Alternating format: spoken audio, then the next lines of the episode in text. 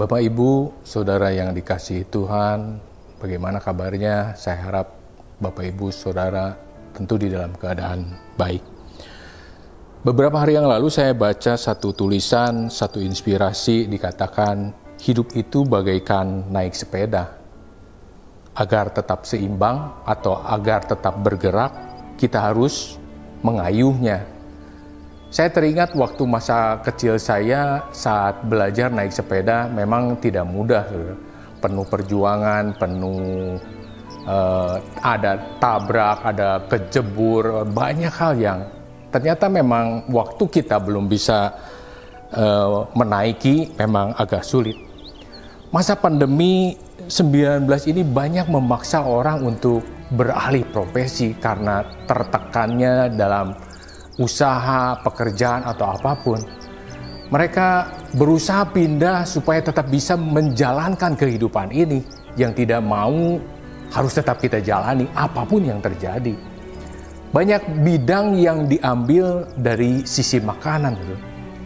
Orang mengolah makanan, belajar membuat makanan yang tadinya tidak bisa, mereka akhirnya bisa membuatnya. Dan kemauan di dalam mengolahnya, saudara, sangat mudah di zaman seperti sekarang ini.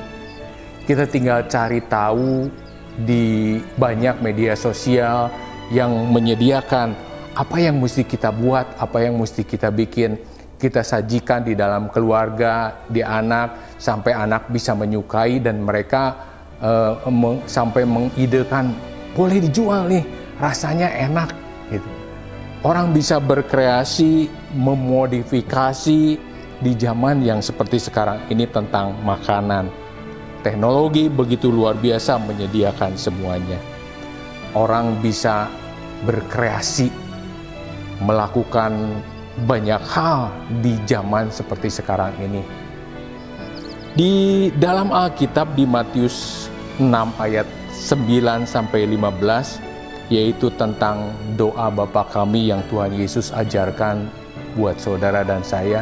Tentu setiap kita sudah tidak asing lagi dan pasti mengetahui. Saya bacakan buat saudara. Matius 6 ayat 9 sampai 13. Karena itu berdoalah demikian. Bapa kami yang di sorga, dikuduskanlah namamu. Datanglah kerajaanmu, jadilah kehendakmu di bumi seperti di sorga.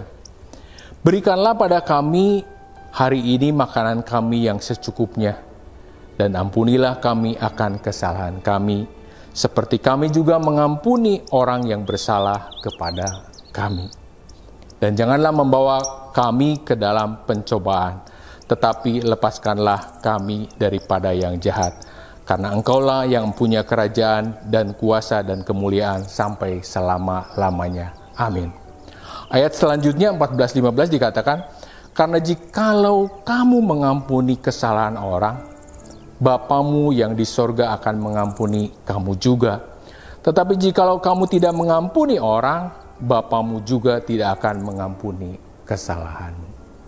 Saudara ada kata yang menarik di dalam perikop ini yaitu hanya ada satu kali tentang doa ini berbicara makanan. Berikanlah kepada kami makanan yang secukupnya. Hanya satu kali.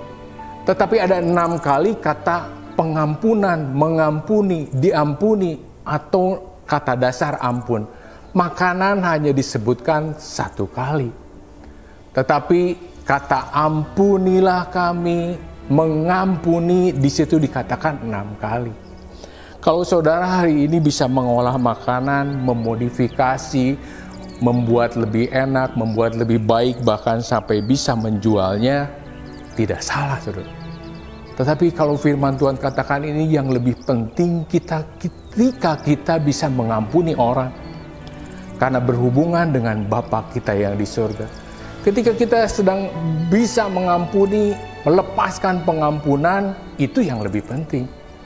Karena ketika kita bisa melepaskan pengampunan apalagi di masa COVID-19 ini, banyak keluarga yang tadinya baik-baik saja sekarang bisa timbul masalah karena pemasukan menurun, sedangkan pengeluaran tetap harus tidak bisa tidak harus kita sediakan. terjadi konflik. Tetapi percayalah, saudara bisa mengolah makanan, tetapi itu bukan tidak penting.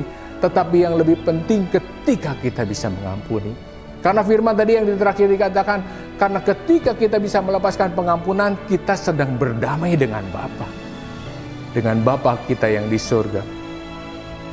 Lepaskan pengampunan. Saya pernah mengalami satu uh, masalah, satu persoalan yaitu tentang sakit hati. Saya menyak, uh, sakit hati terhadap seseorang walaupun orang tersebut tidak tahu saya sakit hati terhadap dia. Apa yang terjadi? Yang sakit bukan orang itu tetapi saya yang sakit. Ketika kita tidak bisa melepaskan pengampunan, hati kita bermasalah, tubuh kita pun akan merespon tidak baik.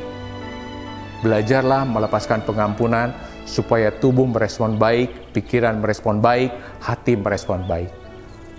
Yang terakhir,